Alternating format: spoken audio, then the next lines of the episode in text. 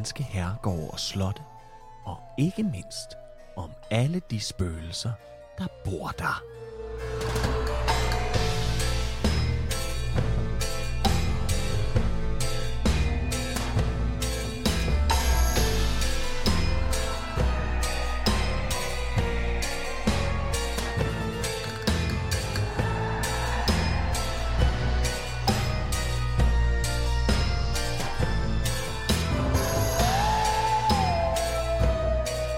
Velkommen til Den Hvide Dame, afsnit 25. Hvis du er til middelaldermunke, blodskam og trolde, der kan høre torden i Grønland, så skal du endelig føle dig velkommen til at blive hos os lidt endnu. Mit navn er Trine Gadeberg, og overfor mig sidder broder Kasper Lefebvre. In nomine Patre, Filii et Spiritus Sancti. Hvorfor broder, Kasper? Ja, det ved jeg da ikke. Det var dig, der kaldte mig det. Jeg tænkte, det var fordi, vi er på et kloster i dag, måske. Det er vi. Nå, så du skulle bare teste mig. Vitskyld Kloster. Vitskyld Kloster. Vi har ikke været på mange klostre. Vi har været på to. Eller ja. Det her det er nummer to. Ja. Men Trine, inden vi øh, skal snakke om det, Mm. så skal vi snakke om, som du sagde i indledningen, afsnit nummer 25. Damn. Hot diggity damn. Yes, Det er jo jubilæum, og Det øh, der, er, øh, der er vin i glasene. det er der. Skål! Skål, og tillykke med det. 25 afsnit. 25 afsnit. Et kvart århundrede. Det er sølvbryllup Det er ikke engang i løgn. podcast år. Du Der er ved, der er nogen- 100 år mennesker, og så er der podcast år. Det er afsnit 25. Det er sølv. Sølvbryllupsafsnittet. Æresporten er her ikke. Nej, og der har heller ikke været nogen ude at spille trompet for os. Nej. Ja. Men øhm, det er øhm, det er simpelthen, jeg synes det er vildt hver evig eneste gang, vi når en af de der milepæle. Jeg synes det var vildt, at vi har nået afsnit 10. Ja. Og 15 og 20, og nu er det 25. Og øhm, det, det, der er vildt ved det, det er jo, at, at jeg tænker for alle, der sidder og lytter til det, så er det jo bare i godsøjne 25. gang, de henter et afsnit. Mm. Men det er det 25. Øh, gang, at vi har siddet og researchet i dagevis og Mm. optaget og altså lige siden det her Klippet og klistret. klippet og klistret og fundet lydeffekter. diskuteret, hvilke slotte vi skulle have, eller herregårde. Nej, den kan vi ikke tage. Jo, den har verdens bedste historie. Ja, den har ingen spøgelser. Nå, nej, så... Alle de Mm. ting. Ja. Og det hele startede med, at vi gik i panik under coronaen. Ja. Og ikke vidste, hvad vi skulle tage os til. Mm. Og nu har vi lige pludselig fået travlt. Det må man sige. Men vi, vi må også simpelthen nødt til at indrømme det, at vi, det er vores lille hjertebarn, ikke? Den lille, Det er det bare. øh, ikke den lille hvide dame, den hvide dame. Fordi det er jo, det er jo interesseområder for os begge to. Ja. Og det var den der podcast, som vi, kan du huske, vi sagde til hinanden, dengang vi sagde, da, da vi snakkede om at lave en podcast, hvor vi begge to var sådan lidt, ej, det er også lidt pinligt at være en af dem, der laver podcasts. Mm. Fordi det gør alle, ikke? Mm. Øhm, og så havde vi den der idé om, at så skal udstyret være godt, Mm. det skal lyde godt, Mm. og skal det være en podcast, vi godt selv gad at høre. Det er det så ikke blevet. øh, jo, men øh, jeg synes, øh, jeg, jeg synes det, jeg, jeg, jeg er stolt af vores, øh, af vores lille podcast, og øh, ja, og tak til alle, der jo støttede op der øh, om, øh, om den der podcastpris 2020. Vi. Mm. blev ikke engang nomineret. Nej. Nej. Tæt på. Tæt på, eller det ved jeg ikke, Nej, var. det siger vi bare. Ja, det tænker vi. Ja, Vi var med. det var meget til. Vi var med i oplevet. Det ved vi ikke noget om. Nå, Trine, Men... vi skal vanvittigt langt tilbage i tiden i dag, og øh, vi, har en, øh, vi, har en, vi har måske en af de mest alsidige historier, vi nogensinde har haft, både på øh, historiefronten øh, og, øh, og også hvad du skal fortælle, men nok, nok mest på historiefronten, der kommer vi altså vidderligt vidt omkring. Det glæder jeg mig til at høre. Skal vi ikke bare springe ud i det og høre historien om Vitskøl Kloster?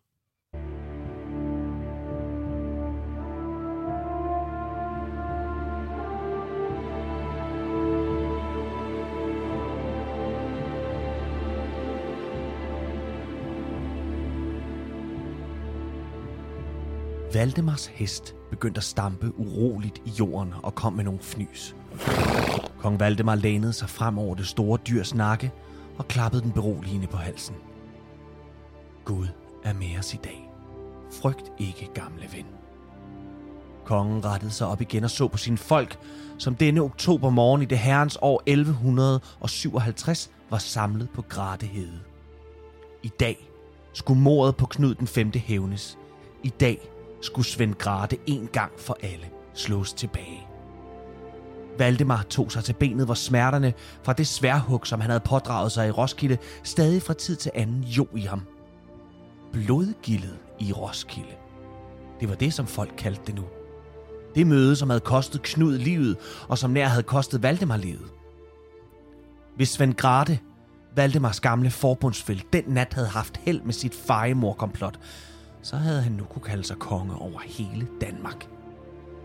Men Valdemar var denne dag fast besluttet på at gøre en ende på de mange års uroligheder, de tre konger imellem.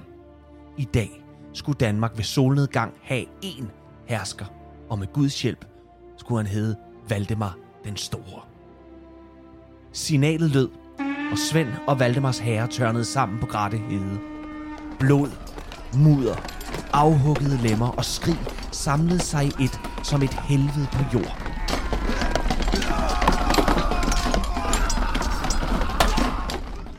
Midt under kampen går det op for Svend Grate, at han har fejlvurderet, hvor Valdemars hoved her befinder sig. Åh oh Gud, tænkte Svend. Dette er kun begyndelsen. Han har flere mænd. Han har flere mænd. Svend Grate kæmpede sig vej igennem masserne af krigere fra begge sider, som hakkede hinanden til blods. Han fik fat i en hest og sporede den i retning mod Haugesø. Han måtte væk. Han måtte samle kræfter et nyt sted. Samle en ny her og gøre en ende på Valdemar. Han flygter, skreg Valdemar til sine mænd, som eftersatte den flygtende konge. Da Svend nåede sumpen ved enden af Haugesø, smed hesten ham af. Han fortsatte til fods, men inden længe kunne han høre lyden af hestehove komme imod ham. Jorden rystede under de tunge dyrs galopperende løb. Svends hjerte truede med at springe ud af brystet på ham. Han var stakåndet og mærkede kræfterne slippe op. I kongens navn, stands! råbte en af Valdemars mænd, da de var reddet op på siden af den flygtende Svend Grate. Han stoppede op og så på klyngen af mænd, der havde omringet ham. De kiggede alle sammen nysgerrigt ned på kongen. Svend tog et skridt frem mod den af mændene, der havde råbt ham til stansning. Han så ham direkte i øjnene og sagde, Jeg er jeres kop. Mere nåede Svend Grate, konge af Sjælland og Skåne, ikke at sige denne 23. oktober 1157. I næste nu kløvede Valdemars kriger kongens hoved, og øksen satte sig fast et sted mellem Svends underkæbe og halsen. Kongen af hele Danmark hed nu Valdemar den Store. Som et symbol på sin taknemmelighed over for Gud, lod kong Valdemar Vitskyld Kloster opføre allerede året efter slaget på Gratehede, nemlig i 1158. På vestkysten af Limfjorden skulle man bygge, hvad der i første omgang var tanken, Nordens største kirke. Men dette foretagende lykkedes ikke, og i stedet forblev det i gåseøjne bare et kloster. Munkene på stedet tilhørte Cistercienserordenen. En orden, som vi flere gange er stødt på her i podcasten, senest i historien om Rugård Gods. Denne orden udsprang af Benediktinerordenen, som i årene op til stiftelsen af cistercienserne havde lidt under forskellige forhold. Dels muslimernes og nordboernes herven i 800-tallet, men også fordi at mange af deres klostre blev ringe ledet. Flere steder havde man arvet eller ligefrem købt en arbejde, og disse mænd var ikke specielt fromme eller særlig optaget af at udføre Guds arbejde på jord. Tre mænd så dette og ønskede en reformation af ordenen. Robert de Molmé forsøgte i første omgang, sammen med den engelske munk Stephen Harding og den franske prior Albrecht, at overtale ordenen til at, ja, tage sig sammen. Men dette lykkedes ikke, og prior Albrecht blev sågar gennemtævet af nogle af munkene. Efter nogle år udvandrede de tre mænd med 20 munke, og i 1098 grundlagde Robert de Molmé klostret i Cite, og på latin var det Cistercium. Altså, her har vi navnet senere til Cistercienserordenen. Det er altså lidt svært at sige. Ja. Cistercienserordenen. Cistercienserordenen, man skal Hvad være siger lidt fuld. Sig. Cisterciensordenen. Cistercienserne Det er noget, man skal bare begynde at sige det, skal man ikke tænke mere over det. Okay. Så skal man bare lade det... Puh, kører du. Cistercienserne. Cisterciensordenen. Cisterciensordenen. Det er svært. Nå. Det blev grundlagt syd for Dijon i Bourgogne-området. I 1100 godkendte paven deres vedtægter, og de levede efter Benedikts regler. Men de forenklede mange af ceremonierne og gjorde ikke det store stas af sig. Den katolske kirkes pomp og pragt med guld og ornamentik udeblev i det nye kloster. Det var med et moderne ord, simple living. I 1113 kommer Bernard af Clairvaux til klostret, og han bliver manden, der får æren af, selvom han ikke var det, at være grundlæggeren af Cisterciensordenen. Det er i hvert fald ham, som udbreder den til resten af Europa, og i Danmark gør den sit indtog igennem ærkebiskop Eskild, som var personlig ven med Bernard af Clairvaux. På Vitskyld Kloster og på mange af landets andre klostre er det munkene, som bringer ind, og med al respekt for old Danmark, en vis form for civilisation med sig. I form af skrift, lægekunst og anden moderne viden. Og selvom jeg elsker vores gamle vikinger og oldtids Danmark, så må vi bare erkende, at vores samfund i dag står sikkert og velfunderet i viden og civiliseret styring igennem, og måske ironisk nok, katolske munke, og det de bragte til vores land i tidernes morgen. På Vitskøl opdyrker munkene dygtigt jorden og lærer blandt andet fra sig omkring fiskeri, lægeurter og mølledrift. I 1200- og 1300-tallet, der er Vitskøl Kloster den alt dominerende magt i området. Det er det kulturelle fyrtårn, hvorfra al handel går igennem, og klostret ejer stort set al landbrugsjord og alle gårde i området. Og så bestyrer Cistercienserordenen hele tre møller. Første mølle, Tvindemølle og Trindemølle. Hele herligheden står selvfølgelig under pavelig og kongelig beskyttelse. Det er stort set et skudsikkert foretagende, som ikke kan rystes. Og dog. For med reformationen og grevens fejde her i landet bliver selve fundamentet i kirken og samfundet rystet. Jeg ved, at vi tit taler om det her i Den Hvide Dame. Men prøv at forestille jer, at det samfund, vi kender i dag, og hele dets struktur og sammenhængskraft nærmest over en nat bliver ændret. Det er enorme kræfter, som er på spil i den tid, og det er måske ikke den menige bonde ude på landet, som mærker det så voldsomt, men for de involverede parter, altså reformisterne, den katolske kirke, kongemagten og adelen, der er det en verden, der bliver vendt på hovedet. Vitskøl Kloster bliver efter reformationen til en herregård under kongeligt len, som dog tillader munkene at blive boende frem til 1563. 10 år senere, i efteråret 1573, indgår Frederik den anden et mageskifte med rigsråden Bjørn Andersen Bjørn, og klostret bliver nu til en herregård og får navnet Bjørnsholm. Bjørn Andersen havde været landsdommer på Sjælland, og igennem tiden var han blevet indehaver af mange len, både i Danmark og i Norge. Særligt kan nævne Aarhus Gård og størst af alle len i Jylland, Aalborghus. Han dør på Bjørnsholm i 1583 og efterlader sig denne til sønnen Trude Bjørnsen, der skulle blive Bjørnslægtens sidste. Men hele den historie, som er et vaske, ægte, højspændt dramagys, der minder om de bedste fam- familietragedier fra Game of Thrones, det tager Trine sig af i hendes afdeling. Det gør jeg i hvert fald. Det er godt, Trine. Ja.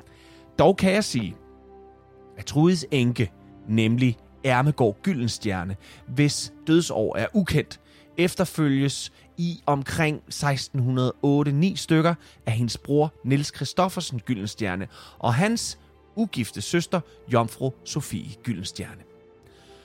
Søskendeparret dør henholdsvis i 1619 og 1622 uden arvinger til gården.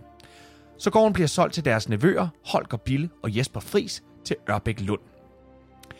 Af disse to brødre, der solgte Holger sin andel i 1637 til Axel Nielsen Jul, som derefter ejede gården selv sammen med Jesper Fris, enke, fru Elsebeth Ulfeldt i 1643. Jeg skal lige vide, at det er Jesper Fris enke. Altså, Ja, ja, ja, ja, han hedder ikke Jesper Fris enke. Hvad hedder han så? Han hedder Jesper Fris, Men det er jo så hans enkefru, Elsebeth, enke, fru Elsebeth Ulfeldt. som havde stedet. sammen med Axel Nielsen Jul. Mm. Forstår du? Ja, nu forstår jeg. Han overtager den, og så dør Jesper. Han overtager... Axel Nielsen Jul overtager Holger Bille. Så han har den sammen med Jesper Fris til at starte med. Så dør Jesper Fris. Og nu har han den så sammen med Jesper Fris enke, fru Elisabeth Ulfeldt. Og det sker i 1643. Er du med? Jeg er med. Godt. Skal jeg genfortælle det? Bare skriv det på tavlen 100 gange bagefter. Ja. Og her i 1640'erne sagde man om klosterkirken, som dengang skulle have været Nordens største, den haver længe ligget slet øde. Cisterciensordnens vidunder var slet og ret ikke blevet holdt ved lige. Og på egnen var det typisk, at man hentede reservedele fra den gamle kirke, når man skulle bygge nyt eller reparere gammelt. Men kirken var i aldeles forfald. 100 år tidligere havde lensmanden givet halvdelen af kirken tagsten, og den resterende halvdel havde blot fået halm som dække for vind og vejr. Axel Jul begyndte nu at lade gudstjenester foregå i gårdens fruerstue, også bedre kendt som jomfruburet. Og endelig i 1668 blev den nordlige fløj nødtørftigt indrettet til kirkerum, og det fungerede faktisk som sognekirke helt frem til 1916. Jeg skal lige forstå, kom de bare og tog, hvad de havde brug for? Ja. Og så kom, Det, så kom det bare til at forfalde helt vildt? det man ligesom mener er skiftet her, det er faktisk, da den, det er efter reformationen. Det er da munkene smutter. Altså, de, de, de, de sidste 10 år, de sidder lige efter reformationen. Altså, herfra, der er, der er landet ikke længere katolsk. Øhm, jeg tror simpelthen ikke, man føler for det på samme måde. Vi har jo tidligere hørt om det også før med andre gamle klostre, der bare blev revet fra hinanden, og så byggede man borge på det. Kan du huske det? Mm. Og, og, og decideret, altså gravsten har man taget, ikke? Og bygget nye hus med, fordi det var jo bare katolikker, der lå der. Det betød ikke en skid. Mm, det er. Så man, øh, det, er, det er faktisk fra det bliver øh, ko- kommer under kongeligt len, og helt særligt, da det bliver, hvad skal man sige, da det bliver, øh, om man så må sige, privat ejet af adelen, der, der, der begynder det simpelthen ikke at have deres interesse at, at vedligeholde det her. På nogen som helst måde. Og det, og det er fordi, det er et kæmpe stykke arbejde. Og man har jo landbrug og alt muligt andet, man skal leve af. Man kan jo ikke, man kan jo ikke leve af den kirke som sådan, vel, som, som munkene gjorde. Mm. Så det er simpelthen der, den går i forfald. Efter Axel Jules død i 1664 er det hans søn Nils Jul, som overtager. Men Nils har gæld overalt i landet. Hans andre gårde var pansat, og det fortælles, hvordan hans kreditorer gang på gang under kongelige bevillinger forsøgte at få ham arresteret. Og endelig, en dag i 1672, da den lokale ordensmagt troppede op, var Nils Jul stukket af, og for flere forlyder det, at han ikke længere var i landet, og man fandt ham da heller aldrig, og vi ved derfor heller ikke, hvordan det gik ham. Men Bjørnsholm var allerede i 1668 blevet overtaget af Nils svigerfar, Axel Jul. Ja, han havde samme for- og efternavn som Nils' far. Og jeg kan godt love dig for, at Trine, jeg læste det her igennem mange gange. For jeg var sådan lidt, hvad er det, jeg har lavet fejl her? Mm. Det kan da ikke være, han kan da ikke hedde Axel Jul. Axel Jul var faren, men så er det din svigerfar, det, de har skrevet forkert. Han hed simpelthen Axel Jul også. Den er god nok. Jeg har simpelthen været i kirkebøgerne. Han hed Axel Juhl, ligesom sin far. Nå. Lad os lige springe lidt frem til en anden af Bjørnsholms ejere, nemlig Anders Kjærulf, som i 1687 køber Bjørnsholm og et hav af andre gårde. Og når jeg siger hav, så mener jeg virkelig et hav.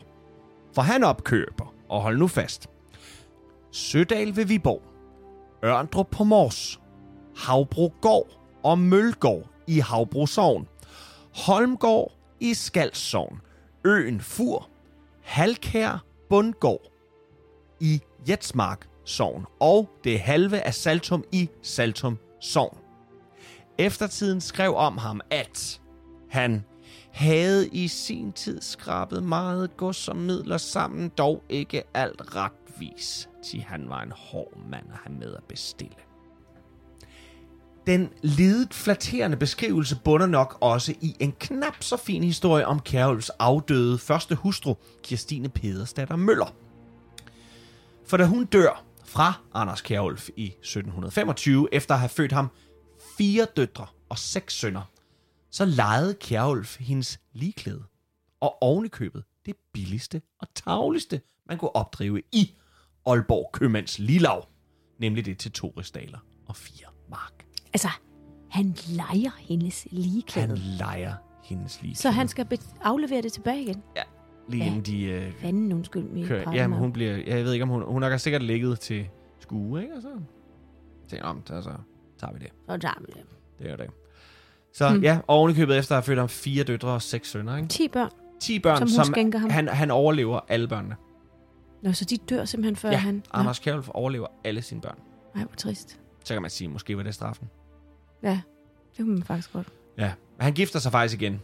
Og for at kunne det, så bliver han i 1728 nødt til at foretage et skifte med sønnen Søren Kjærulf, der på to år når at smadre hele økonomien totalt, inden han dør selv i 1730. Hold da fast. Så det bliver nu hans enke, der overtager, og hun pansætter simpelthen Bjørnsholm til hendes morbror, Peder Tøresen Lassen, der senere bliver adlet til det langt, langt finere Larsson. Det lyder lidt svensk. Jeg synes, det var sjovt, at det var, blevet, det var finere at hedde er meget Larsson, fint at hedde Larsson. Larsson end Lassen. Lassen. Mm. Nå.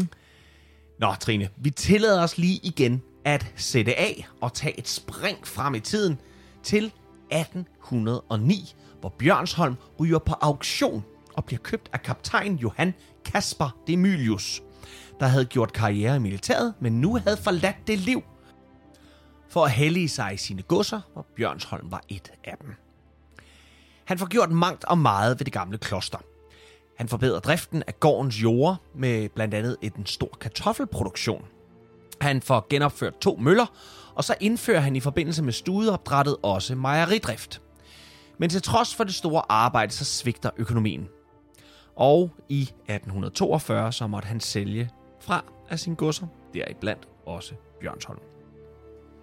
Præcis 100 år senere, i 1942, der overtager staten driften af stedet. Det blev indrettet til et ungdomshjem, og i 1958 begyndte Nationalmuseet en omfattende istandsættelse af det gamle kirkerum med hjælp fra skolens elever, og blandt andet via en 280 cm høj søjle, hvis anden halvdel stammer fra Børglum Kloster. Nå, for pokker. Ja, Mm. så det var ret fint. Senere gjorde brødrene fra den danske frimurorden deres indtog på stedet, hvor de i det smukke gamle kirkerum afholder deres hemmelige møder i St. Johannes instruktionslogen Vita Scola. Og da jeres undertegnet, som selv er en stolt frimurer, læste om denne loge, så kom den absolut øverst på listen over loger, som jeg skal besøge, når vi engang kommer tilbage efter coronaen. Vita skole, er det ikke livets skole? Lige præcis. Ja. Så den skal jeg altså ind og besøge. Det er jeg nødt til. Ja, det skal du da. Du må ikke komme med. Må jeg ikke? Nej. Hvorfor? Det kan du ikke. Du er ikke frimur. Jeg kan vel luske mig ned med i mit... Øh, jeg kommer fra den hvide dame.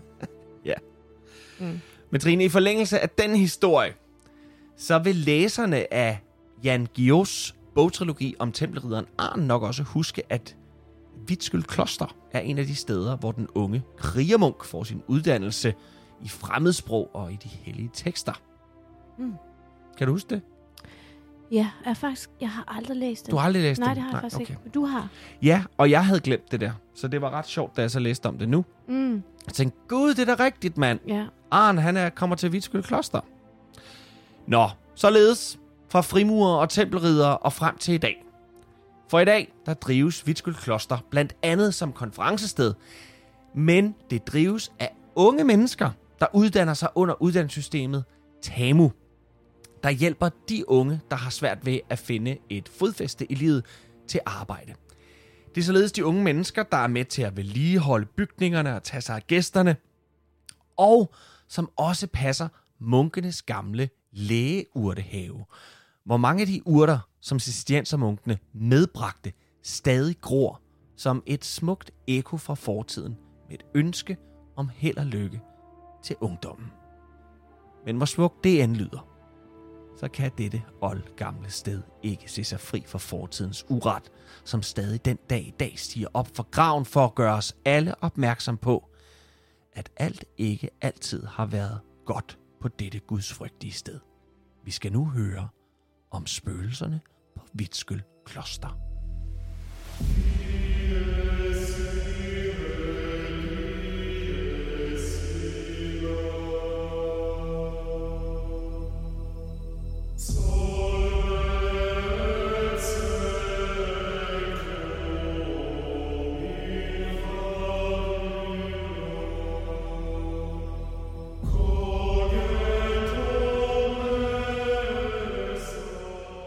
Det var en mørk og stormfuld aften. Klokken var tæt på midnat i det herrens år 1231.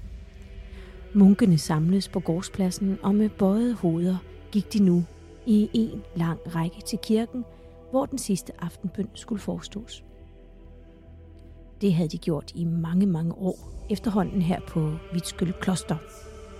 Munkene var særdeles pligtopfyldende og strikse med den måde, de levede livet på. Det var sent i seng, og det var op meget tidligt om morgenen.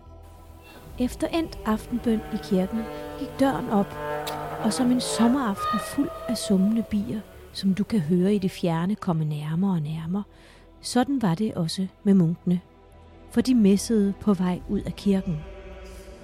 Tonerne blev kraftigere og kraftigere, en meditativ melodi, hvor alle kendte deres anslag og hvornår de skulle lægge vægt på hvilke vokaler. Det bredte sig ud under den mørke aftenhimmel, og den monotone messe tonede ud, jo længere væk de gik. Natten var nu igen fyldt med de lyde, som hører sig til, når man bor på landet langt væk fra Alfarvej.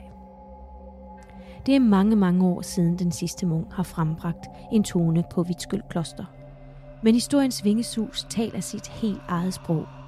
Ruinerne af kirken står der endnu, omgivet af den samme jord, de samme marker og den samme limfjord, som munkene også har kendt til. Og når du går rundt på stedet og er så heldig at kunne gøre det på præcis det samme tidspunkt, som munkene gjorde det i middelalderen, så er det sandsynligt, at du kan være så heldig at høre messesang og fodtrin, når munkene er færdige med aftenbønnen i kirken. For på samme tidspunkt som cirka 800 år efter munkene havde deres gang på klostret, ja, så er spøgelsesmessesang et vidnesbyrd på deres historie. Fordi rigtig mange mennesker beretter om, at de har hørt messende munke lige præcis ned ad den samme gang, som de gik, kan du nu høre latinske ord med toner på, når munkene er færdige med aftenbønnen og klar til at sige farvel til dagen og goddag til natten. Sangen er der stadigvæk og minder os om en helt særlig tid i Danmarks historie. Det synes jeg faktisk er meget smukt. Altså lidt ligesom urterne, at mm. der er stadigvæk et vidnesbyrd på, at munkene har været der. Altså, så må de gerne spøge for min skyld. Hvis de går og synger, det, det vil være de. smukt. Men de gør ingenting. De går bare og synger. Det er fint. Det må de også gerne. Men messesang fra fordomstid er ikke det eneste, du kan stifte bekendtskab med på Vitskyld Kloster. De har nemlig også deres helt egen hvide dame. Og her må jeg lige korrigere mig selv, for hun er faktisk blå. For hun viser sig mest i et blåttet lys, men andre har altså også set hende i andre versioner. Men lad mig starte med begyndelsen. For det er som regel altid det bedste at gøre. Og du skal holde tungen helt lige i munden, Kasper, for det er en vild og meget sand historie, jeg kommer med nu. Det gør jeg. Jeg tager lige en lille tår vin. Ja, det må du gerne. Skal jeg også lige gøre så? Og tillykke med det. Tillykke med det 25.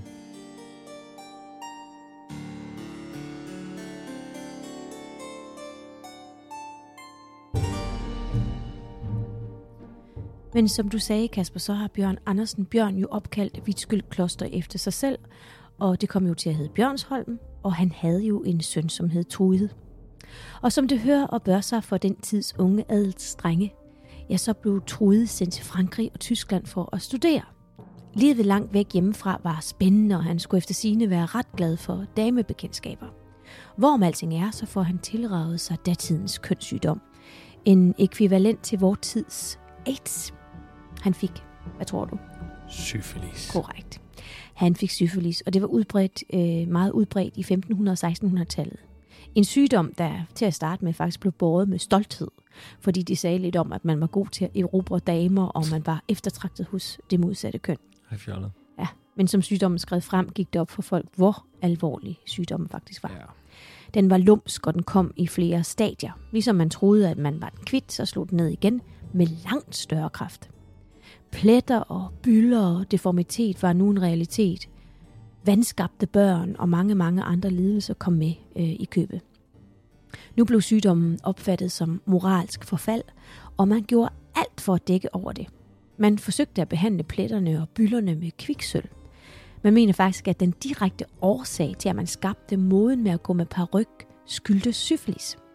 Fordi Ludvig den 14. han begyndte allerede som 17-årig at bære paryk på grund af skaldighed, forårsaget formentlig af syfilis. Det var lidt sjovt, da jeg var inde og læse op på det, der, der, der fandt jeg ud af, at han faktisk havde 40 parrykmager ansat. Det er godt nok mange, var. Det, øh, ja, og alligevel kommer det ikke bag på en, når man siger, det er Ludvig den 14. vel? Nej. og parrykmoden, den bredte sig som en steppebrand. Altså, og det, de blev lavet af, det synes jeg faktisk var lidt, lidt grotesk. Ikke? De blev lavet af hår fra de fattige. Eller af ged og hestehår. Men det var altså ikke uden problemer, fordi der kom mus og andet kryb i parrykkerne, for de blev dubbet i mel og, og fedt, og det stank simpelthen forfærdeligt. Ja.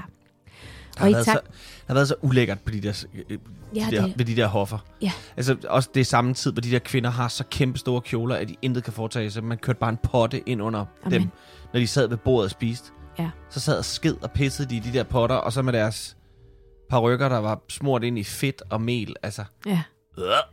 Og så når, når man kom ud på gaden, så var det lort og Ja. ja. møg, der, det stang af overalt. Jamen, ved du hvad, Ja. i virkeligheden, så det er der tit, middelalderen får tit øh, slag for at have været en, en, en, en, hvad skal man sige, en ulækker tid. På ingen mulig måde. Ikke at sammenligne med den her tid, vi er i nu. Mm. Altså, det er simpelthen for klamt. Det er klamt. Det er mega ulækkert. Nå, Det er jo sådan, at øh, de her parykker, moden, den, den, den gjorde, at øh, de skulle være højere og højere og højere og højere, parykkerne, ikke? Ja. Jeg ved ikke, om du kan genkende damebillederne, altså fra den tid, hvor de sådan, de er så høje. Ja. Og det var altså, det var ikke godt, fordi der gik ild i dem, fordi de ragede op i lyskronerne. det er lidt vildt, ikke? Men en anden meget interessant ting, som man øh, også gjorde på grund af syfilis, det var, at man fik øh, lavet stofposer til kønsdelene. Fordi kønsdelene på grund af syfilis, syfilis fik sår og bylder på sig. Og så var man simpelthen nødt til at, at forbinde dem, altså kønsdelene, med gasebind, eller hvad man havde dengang. Og det, det blev jo lidt større end, end almindelig, end, som hvad det var almindeligt. mm-hmm. Og det skjulte man så i prangende stofposer, uden på de her meget, meget stramme hoser, som også var meget øh, øh, berøm, berømt Mm. moden. Så man havde så de her stramme, stramme, stramme bukser på, og så en ordentlig byld. Byld foran der. Ja, og det blev mode at dekorere stofposerne, ikke? Og det var, der var en tendens til, at de her poser, de blev større og større og større. Altså, Altså, man skulle bare lige vise for stor. selvfølgelig. Og jeg kommer til at tænke på lige nu, altså du ved, altså sygdom skaber mode, ikke? Jo. Mundbind. Ja, Vi rendte alle sammen rundt med de der sådan mere eller mindre almindelige og rigtige medicinske. mundbind i blå farve. Ja. Og nu render man rundt med Hugo Boss og Louis Vuitton i stof, som, ja, nu er der gået mode i det. ja, som ser smart ud, men måske mm. ikke er det mest... Øh, for ikke at, altså nu siger jeg ikke, at vi har byller i hovedet, men altså du ved, det er meget sjovt. Mm. Det der med, at det skaber præcedens for noget andet, ikke? Men tror du, mundbind er kommet for at blive, Kasper? Øh, Altså, når vaccinen er... nej, det Nej, tror jeg så ikke. skal vi ikke Jeg tror, nej, jeg tror det ikke. Jeg tror stadig, du vil se den de steder, hvor den har været brugt altid. Altså Mm. øh, i Asien. Altså Kina og Japan og sådan nogle steder, der er man glad for at bruge. Men det er oftest også, fordi man bor i nogle kæmpe byer. Ja, altså, hvor det er meste på grund af forurening. forurening. Ja. Mm. Ja. Så, men øh, nej, jeg tror, de smutter. Jeg tror måske, spritten er kommet for Spritten er at kommet for at blive, men, men mundbind, det synes jeg godt personligt ja. må, må blive. Ja, når vi er færdige med dem, så er det fint. Det Ja. jeg også.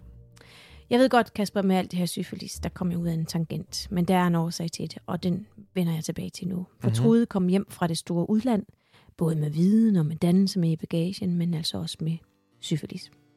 Han blev gift med Ermegård Gyldenstjerne den 20. august 1587. Hun var på det her tidspunkt 35 år og 4 måneder, og han var 27 år og 4 måneder. Men jeg ved ikke med dig, Kasper, men jeg tænkte, er det ikke en sen alder for hende på det tidspunkt at blive gift, altså 35 år? Jo. Altså, Jo. I, jeg ved godt, det ikke er noget i dag, men Nej, dengang, altså, 1587 er, er sent. man blev ikke så gammel, Eller, så det- er øh, at være 35 år i 1587 og ikke være gift. Som kvinde, jo, det må man sige. Jamen også, hvis hun skulle skaffe ham en arving, ikke? Ja, Altså, ja der har de haft travlt. ja. Og når man øhm. er Øhm. 35 år, så... Øh, man blev jo nok ikke... Altså, man blev ikke så gammel som i dag, så man havde da godt nok travlt, altså. Ja, hun har været sådan i... hun har ikke været, hun har ikke været gammel, men hun har vel været... Det ved jeg ikke, det tør jeg slet ikke sige. Jeg kunne, nu gætter jeg bare. Hun har vel været det, der svarer til en 60 år i dag, eller sådan noget. Sådan livs, livslængdemæssigt, eller sådan noget. ikke? Jeg ved godt, man også kunne blive meget gammel dengang, men det var bare ikke lige så... Det var ikke så udbredt. Nej. Og aldersforskellen øh, er også... Øh, Den er rimelig. den er sjov, øh, fordi det er en kvinde, der er ældre end manden på det her tidspunkt. Ikke? Mm. Så, mm. De fik først en søn født efter 1587, og som følge af syfilis sygdommen, som Trude havde pådraget sig, så er barnet altså vandskabt og dødfødt. Mm. Det er jo en tragedie. Hun bliver så heldigvis gravid igen og føder en datter, som også er dateret efter 1587. Øh, men datteren når desværre heller ikke at se dagens lys, fordi datteren er vandskabt, misdannet og dødfødt. Det er hårdt, men sandt. Hun bliver gravid igen med deres tredje barn. Men inden hun når at føde, dør Trude formentlig af syfilis. Nu var reglerne sådan på den tid, at hvis ingen arving der var, så skulle herregården gå til nærmeste slægtning, altså Trudes familie. Med andre ord, Ermegård kunne ikke arve herregården, med mindre barnet i maven var en søn, fordi så skulle sønnen, øh, sønnen nemlig overtage stedet. Kort før fødslen troppede Trudes familie op, men Ermegård sendte dem bort. Hun skulle nok klare den her fødsel selv, og, og hun ville derfor også, når, når fødslen var overstået, komme frem og fortælle øh, om resultatet. Derfor blev de vist bort igen.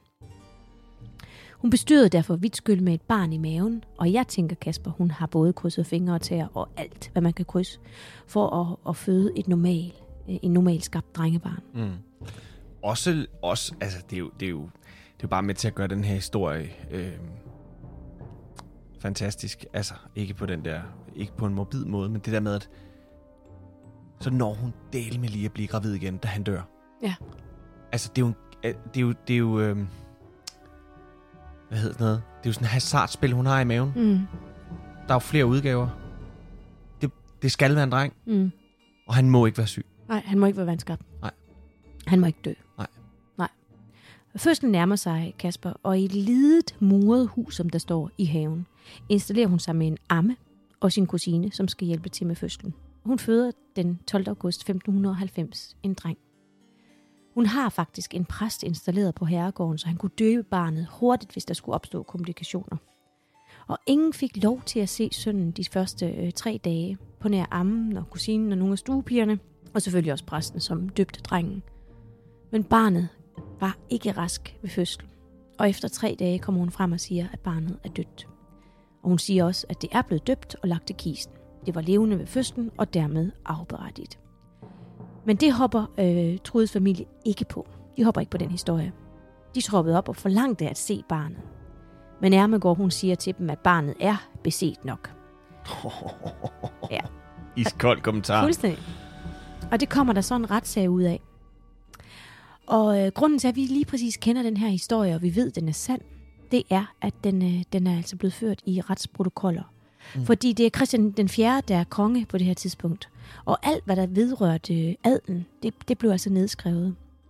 Så nu bliver vidner afhørt. Man henter ammen ind og kusinen, og de siger at, øh, og bekræfter, at barnet var levende, da det blev født.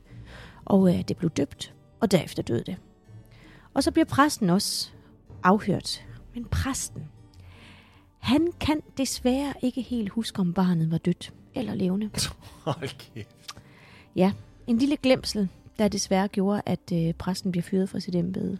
For sådan en præst kunne man altså ikke have. Hvad, hvad, tror du, hvad tror du, han... Altså, har du tænkt... Hvad tror, tror du, han har tænkt? Hvis jeg nu siger, at jeg ikke kan huske det, så er jeg sådan et sted midt imellem. Ja. Så har jeg ikke gjort mig uvenner hverken med Adlen. Ermegård, eller, mm. øh, eller med, med, med familien til Trude, eller overfor... Øh, og så er det jo bare sådan lidt... Du, du har da ikke stået og, du har da ikke stået og døbt et dødt barn, har du? Mm. Åh, oh, nej. Og ud røg han. Ja. Men man kom altså ikke videre i sagen, og det blev derfor besluttet, at Ermegård skulle føre 12 fuldgode mænd, som hver især skulle aflægge vidnesbyrd om, hvorvidt Ermegård havde en ordentlig karakter. Altså om hun var en, man kunne stole på. Mm-hmm. Det lykkedes Ermegård at samle 12 mænd. Det viser sig så, at det var faktisk hendes slægtninge. Altså hun finder 12 fra ja. egen familie. Og øh, det er egentlig vildt, at det kunne lade sig gøre, at de, at de godtog det. Men øh, det gjorde de. Og det eneste, de skulle fortælle, det var, at Ermegård var en ærlig kvinde. Jamen, hvis de har ment, at hun var en ærlig kvinde, så har det vel heller ikke på den måde været svært. Nej, men, men, men i princippet skulle det jo være 12, øhm, som bare kendte hende, men som ikke var i familie med hende. Fordi Mm. altså, hun var i familie med dem, så de kunne jo godt se, at det var smart for dem måske også at få en, en Nå, andel i måde. Vitskyld Kloster. Jamen, tror du ikke, man har mere kig- kigget på deres stand?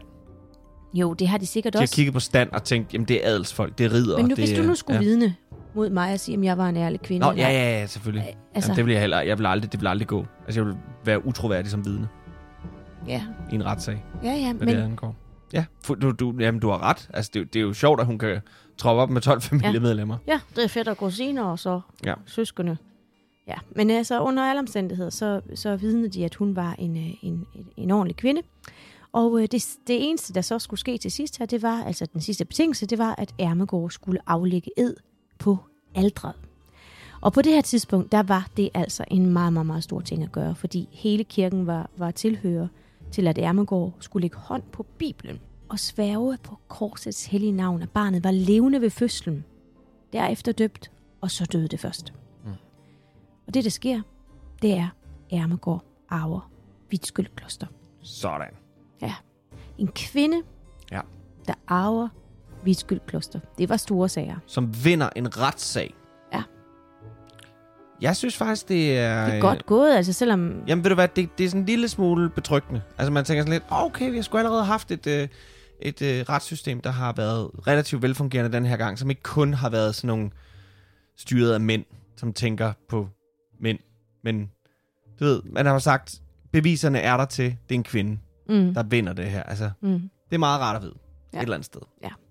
Men hun går nu igen, altså på Vitskyld Kloster. Og det skyldes måske, at øh, det ikke var helt sandt, det hun øh, aflagde ed på, altså at barnet var i live. Det må, det må ligge hen i, i det uvisse, for det får vi aldrig svar på, hvorvidt det var det ene eller det andet. Og der gik også nogle ondsindede rygter om, at hun, hun dræbte sit barn.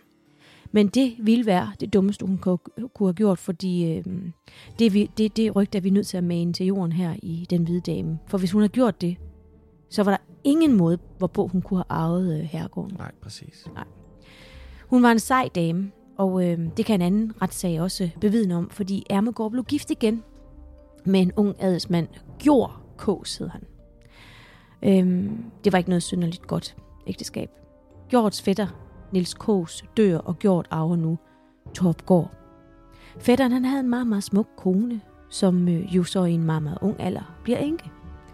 Gjort forelsker sig i øh, Birgitte Rosenkrantz og indleder en affære med Birgitte. Og det regnes på det her tidspunkt altså for blodskam. Hun fik to børn med ham, en dreng og en pige. Og hele den her affære, den kom Ærmegård for øre, og hun indledte derfor en retssag mod Begitte og Gjort. Da han fik nys om det, så sadlede han en hest, og så stak han af. Ud af landet i en hulens fart. Det vidner altså om, hvor, al- en al- hvor alvorlig en sag det var. Ja. Øh, ikke? Er heller ikke nogen særlig galant herre, vel? Nej, han skrider for hende jo. Ja, lige præcis. Han ved godt, hvad der er i vente. Ja, ja. Men blodskam, det, det, det, var, virkelig, det var virkelig ikke godt. Nej. Øhm, Birgitte, hun kom for retten, og hun blev dømt til døden ved halshugning. Og selvom hun skrev et meget, meget rørende brev, hvor, hvor hun bad om tilgivelse og fremlagde flere gode argumenter og muligheder for, hvordan hun kunne råde bod på sin ugerning, ugerning, så stod dommen ikke til at ændre. Og på herredagen i Kongens København blev hun halshugget på Amagerfælleden i 1603. Bum. Det er godt nok tragisk. At det netop var på herredagen, det var altså ikke en tilfældighed. Fordi øhm, det var en dag, hvor adelen samles med kongen, og det var sådan et årligt stormøde, altså for magthaverne i Danmark, kongen, rigsrådet og adelen. Og Birgittes halssugning var formentlig en demonstration på, hvad der kan ske, når man indleder sådan nogle ulydelige forhold. Ad. Så sker der det, at Ermegård, hun dør. Og det betyder, at øh, Gjort, han, øh, han våger sig tilbage til Danmark. Det skulle han bare aldrig have gjort. For Christian den 4. han stadfæster dommen, og han bliver halshugget samme år. Sådan. Deres to børn siges det, at drengen blev legesoldat, og at pigen skikkede sig ilde, som det står. Mm. Trist, trist øh, skæbne, var. Ja. Skikkede sig ilde. Jeg vide, hvad der Skikkede sket? sig ilde. Prostitution. Druk felt i. Det kan også være, hun bare øh, hang ud med de forkerte. Men øh, skikkede mm. sig ilde. Ja.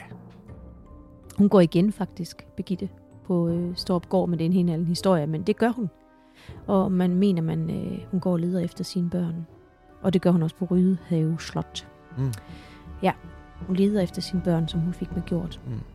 Den her vanvittige, men ganske sande historie om Ermegård har jeg fået fortalt af en tidligere medarbejder på Vitskylle Kloster, nemlig Peter Engelbrechtsen. Og tusind, tusind tak for det. Det er, som Peter sagde, lige til en omgang Game of Thrones. og det har du altså ret i, Peter.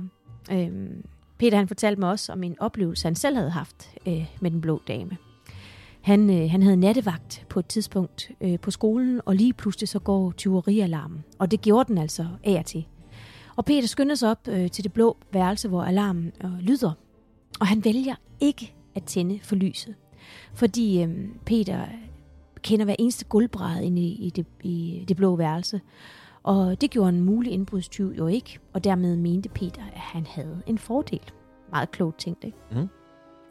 Og i det Peter lægger sin hånd på håndtaget ind til værelset, er der noget, der siger ham, at han skal simpelthen ikke gå derind. Han skal bare ikke gå derind. Og det er bare sådan en underlig fornemmelse, der holder ham tilbage. Og det skyldes ikke indbrudstyven, men noget med den blå dame, fornemmer Peter. Så øh, Peter han tager altså benene på nakken, og i fuld fjerspring, så løber han udenfor. Og der kommer han sådan lidt til sig selv igen, og, og får sagt til sig selv, at nu skal du altså tage dig sammen, Peter. Og han er normalt ikke sådan en, en pivet type. Øhm, og med en fortid som sværvægtsbokser, så, så er der normalt heller ikke noget, eller heller ej spøgelser, der kan kue Peter. Så han vælger altså at gå derop igen, og nu tænder han så alt lys, men der er ikke noget at se. Mm. Peter han fortæller også, at han har oplevet, at mange af de her ellers lidt hårdkogte typer, der har boet på skolen, de har simpelthen insisteret på at ville overnatte i det blå værelse, fordi det vil de gerne lige vise, at Ja, ja. det, det turer de godt. Men om natten, så, øh, så har han så også set, hvordan de øh, har stået nede på, på vagtværelset igen, og med klapbrende tænder og skræmt øjne og bedt om at komme tilbage på deres værelser. Hold da op. Ja. Det er ved du hvad, jeg, jeg er nødt til lige at sige, Trine, at øh, da du talte med Peter, øhm, øhm, jeg, jeg sad jo og lyttede med på samtalen, og, øhm, og, og, og, og jeg kan bevidne, at Peter er en øh, overordentlig, øh, øh, hvad skal man sige, mand med begge ben på jorden. Der er, han er en gæv jyde, og der er ikke noget, der ryster ham, vel? Og jeg kunne bare høre, da han fortalte den historie. Altså, den er jo heller ikke videre øhm, ekstravagant eller noget, men det løb mig stadig koldt ned ad ryggen. Mm. Det der med, at da han lagde hånden på det dørhåndtag, at han siger, der er bare noget inde i ham, der sagde, du skal ikke gå derind. Nej, og han har alligevel været der i 40 Ja, år på skolen. I 40 år, han har oplevet, øh, og Mangt sagde jo og også, meget. at, han sagde jo også, at det skete en gang imellem, den der alarm gik, mm. Også om natten, ikke? Mm. Altså alligevel det at skulle gå derop, ikke? Mm. Men det der med, at lige den dag, den aften, på det tidspunkt, Jeg skulle ikke gå derind. der er der bare noget inde, der siger, der skal du ikke gå ind. Mm. Du skal ikke gå derind nu. En indskydelse. Ja. Ja. Men, øh, men hvad er det egentlig, der sker i det blå værelse, Kasper? Ja. Du får samlet dit mod sammen, og du beslutter dig for at sove i det blå værelse. Alt er godt. Roen sænker sig over Vitskyld. Dagen siger godnat, og natten trækker dynen godt op over ørerne. Du falder i søvn, men du vågner ved, at en skygge bevæger sig rundt i værelset. Så nærmest trippende. Vedkommende, altså skyggen, sætter sig ved bordet og begynder at skrive med en gåsefjerspen. Der er faktisk nogen, der mener, at denne skygge ikke er Ermegård, men en ond munk fra tiden, hvor stedet var et kloster. Men Ermegård er altså set komme ud fra det blå værelse og vandre rundt på herregården, specielt på øverste stokværk. Øh, og så går hun udenfor, og hun går i særdeleshed også over ved Østfløjen. Hun bliver set i et hus, der er bygget i 1770, hvor hun går igennem væggen og slutter af med at gå længere og længere ned, hvorefter hun synker ned i jorden. Der er bare lige det, at øh, Ermegård levede ikke i 1770, så hvad i alverden laver hun ind i det hus? Men der, hvor det hus står i dag, var der i Ermegårds tid en anden bygning, med døre andre steder rundt om i rummet. Så Ermegård går sikkert frem og tilbage og lukker de døre op, der hører til Mm. hendes tid. Mm. Øhm, hvilket nok er forklaring på, hvorfor hun færdes så meget på det sted. Og forklaring på, hvorfor hun går igennem væggene. Ja, og går ned. Så er du ikke, hun forsvandt ned i jorden, jo, jo. hun går ned ad den trappe. Det kan være, ja. Mm. Folk jagter hende også ude i haven, og, og altid med den her trippende gang. Af andre mystiske ting, der hænder på Vitskyld Kloster, har man talt om, at der i Vestfløjens nordgavl var indmuret, eller nærmere indeplanket i træ, en tidligere forbryder. Det talte man meget om, men om det var sandt, det vidste folk ikke. Lige til en dag, hvor en håndværker, han lavede simpelthen en sprække i det her træ. Det var sådan noget rigtig, rigtig tykt træ. Og så kunne han så konstatere, at der sad et skelet helt sammenbåret og kiggede direkte ud med de her tomme og sorte øjenhuler. Man besluttede så at bryde øh, rummet ned og fjernede øh, skelettet ved samme lejlighed. God idé. Og i et andet værelse på gården har der været folk, der har oplevet noget loddent, noget behåret, altså sådan en slags væsen, der er kommet ind i, i rummet. Og kort tid efter, så er det blevet efterfulgt af en silkekjoles rastlen og et spædbarn, man kan høre græde. Og måske er det en kvinde, der har født et barn uden for ægteskab. Fortællingen går nemlig på, at kvinden har dræbt sit barn. Og man har også en formodning om, at det er den samme kvinde, der viser sig i stallen. Og hvorfor hun gør det, det er der altså ikke rigtig nogen, der ved noget om. Og, og jeg tænker, måske var hun staldpige. Altså, Måske. Hvem? Eller måske har hun grædet barnet ned derude. we don't know. Og under et kældergulv har man fundet rester af mennesker. Mennesker, der er blevet balsameret. Og et af de mest velbevarede lig er en meget, meget, meget stor mand i en fuld rustning. Det vil jeg jo så sige, på et gammelt kloster, der ved vi jo fra, øh, fra Børlum, at det er ikke ualmindeligt. Rustning. Mm, nej, hvis man er blevet begravet tæt op. Øh, altså, nej, det synes jeg ikke, det er. Mm. Men jeg vil sige, altså det der med, at man... Øh, altså, hvad hedder det? Balsameret. Hans og Anne sagde jo også det der med, at altså, hver gang de skal skifte et rør, eller slå et søm i det væb, så banker det lige ind i en munk, ikke? Jo. Der ligger lige overalt på de der klostre, mm. Fordi de er blevet begravet overalt. Jeg synes bare, det er mærkeligt, at der ligger øh, balsameret lig, og så lige pludselig en mand i en rustning. Ja, men det, jamen det vil jeg også, det vil jeg godt give dig. Jeg gad da godt at vide, om det var en sand historie. Ja. Altså den der, altså en mand i en rustning, det man, ge- man da gerne vide, hvad Jeg tror, det har været en ridder, og, eller en stormand, eller et eller andet, der er blevet begravet øh, Ja. på, på hellig jord. Og så er der altså også blevet spottet en hovedløs hest, og på avlsgården vandrer en grå mand. Og så er der den her historie om en ond, ond herremand, der, der gik igen. Men de fik ham manet til jorden, og i dag der viser han sig som sådan en genstridig gammel gede, der er umulig at indfange. og så har munkene nedskrevet en fortælling om en ung mand, der kom til klosteret. Det viste sig, at han var i forklædning, for det var nemlig ikke hans rigtige skikkelse, han kom i. I virkeligheden var han en trold og han havde kontakt med djævlen. Det fandt de ud af, efter den unge mand havde været hos dem i et stykke tid, fordi de fik et ærne i nærmeste landsby, og så tog de her, den her unge dreng med. Og pludselig så opførte drengen sig underligt og nærmest sådan strakte hals og virrede med hovedet frem og tilbage. Og så sagde han, at han kunne høre tordenvejr på vej. Og lige nu så kunne han så høre, at det befandt sig på Grønland. Og Grønland var, var på det her tidspunkt altså et land, der lå flere måneders rejse væk. Og munkene trak bare på skuldrene den vanvittige historie. Men kort tid efter sagde den unge mand, at nu var tordenværet på Island. Nu var den i Norge. Og så løb han alt, hvad han kunne. Han flygtede ned til vandet, og munkene løb med. Men torden indhentede ham, og lynet slog ned, og han var dræbt på stedet. Sidenhen, da de kom til at tale om den her unge dreng, så var der i grunden heller ikke nogen af munkene, der på noget tidspunkt havde set den unge mand gå i kirke. Og derfor anså de ham for at være et ukristeligt menneske og i pagt med det onde. Kasper, det var sådan nogenlunde det, som jeg havde stødet frem af spøgelsesgemmerne på Vitskyld. Gode Kloster. historier. Gode historier. Ja. Og ligesom vi gjorde sidst, så opfordrer vi endnu en gang folk med pengene og magt til at øh, lave øh, danske øh, Game of Thrones-serier. Den Ja. her gang om Ermegård. Ja, for pokker. Det var bare en god historie. Ja, ja.